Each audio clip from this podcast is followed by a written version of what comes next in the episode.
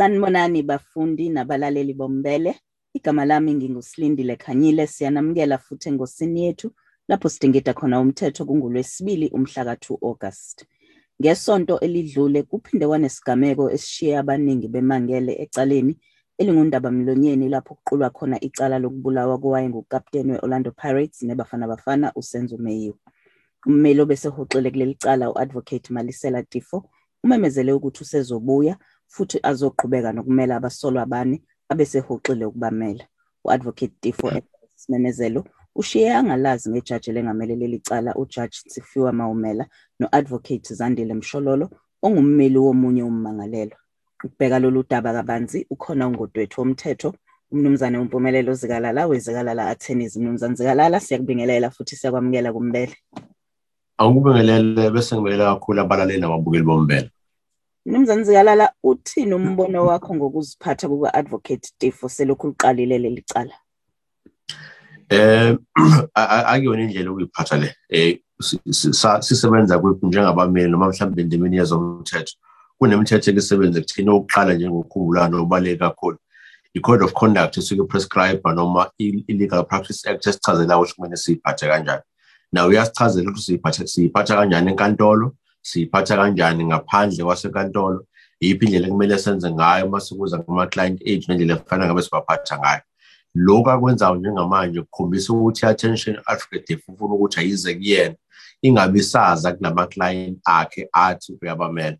ekugcineni kosuku akuthina abameli esuke sidlala indima enkulu noma kusuke kubaluleke kakhulu ukuthi asivele out there in the media noma mhlawumbe emphakathini kusuke kuleli cala esikhuluma ngalo ukuze kubonakale ukuthi ubulungiswa buyasebenza abantu engingabadabukela kakhulu ngadabukela umndeni wakameyiwa ngidabukela ama-client akhe bese ngizodabukela inkantolo ngoba le ndlela enza ngayo akenzi kahle.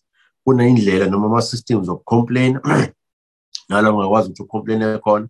And uma ungakwenzi lokho noma ungalandeli leyo ndlela eyibekiwe yila khona usuyithola khona ususenkingeni so indlela enza ngayo iphambene kakhulu legal practice act futhi mangabe kuwukuthi u-advocate that belongs to a certain council or group for sure igroup yakhe noma i-society abelonga kuyona ngeke ngingakhulumi naye la ezosho khona ukuthi hayi engathi awusazenzeli awusenzeli ama-client usuzenzela wena manje. Nangendlela okhuluma ngayo uyazi ukuthi uma ufuna ukhomplela ngejaji kumele wenze njani. Hhayi ngale ndlela yobhale ngayo njengamanje. Kungabe ngokubona kwakho kusazokwenzeka ubulungisa kuleli cala? Sekuthanda ukuncipha kodwa bangakwazi ukuthi bakusave kugcine kwenzakalile. If uzoqhubeka ngendlela esenzeka ngayo manje angikholwa ukuthi kuzoba khona. Already ubulungiswa busekho kangako ngoba sebelinde umndeni wakameya osemlinde iminyaka kawu-eight ukuze ufike la ufike khona njengamanje. Uma usufikile lapho then bese kuzoba khona nabantu abazofana no-advocate benze ama-delays angafunekali ukuthi ngabe ayenzeka. Uma sobheka ngokusebenza kwalo uyedwa kuphela ufakazi usangena ebhokisini. Wathula ubufakazi the rest of ama-hours alisetshenziswa for inkantolo are related to izinto ey'seceleni not lezi kuyizona ngempela ekufanele ngabe ngena umuntu ebhokisini achaze ukuthi kwenzakalani ngalobo busuku. Khona sokwazi ukuthi ubani umuntu owenze isenzo sobubi.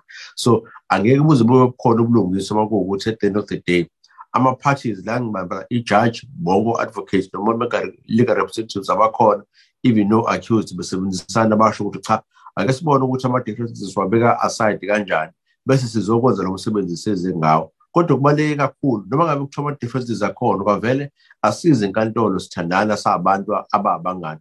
Suke siyolola amalungelo abantu bethu ngendlela ngokuhlukahlukana noma ngama-instructions seke siwanikile. Kodwa sihlanganiswa into eyodwa kuwumthetho ngoba wona ushintsho ochazayo ukuthi uma ngabe unenkinga nento ethile yiphi indlela ocomplaina ngayo. La nto esiyidingayo sidinga ukuthi bonke abantu ba-understand bafuna ukucomplain landela indlela e-appropriate uma unenkinga ngendlela icala liphethwe ngayo landela leyo ndlela ebhaliwe khona uzokwazi at the end of the day uthole ubulungisa uzokuthiwa uyabufuna wena Mnumzane Zikalala njenganjalo siyabonga kakhulu ngesikhathi sakho.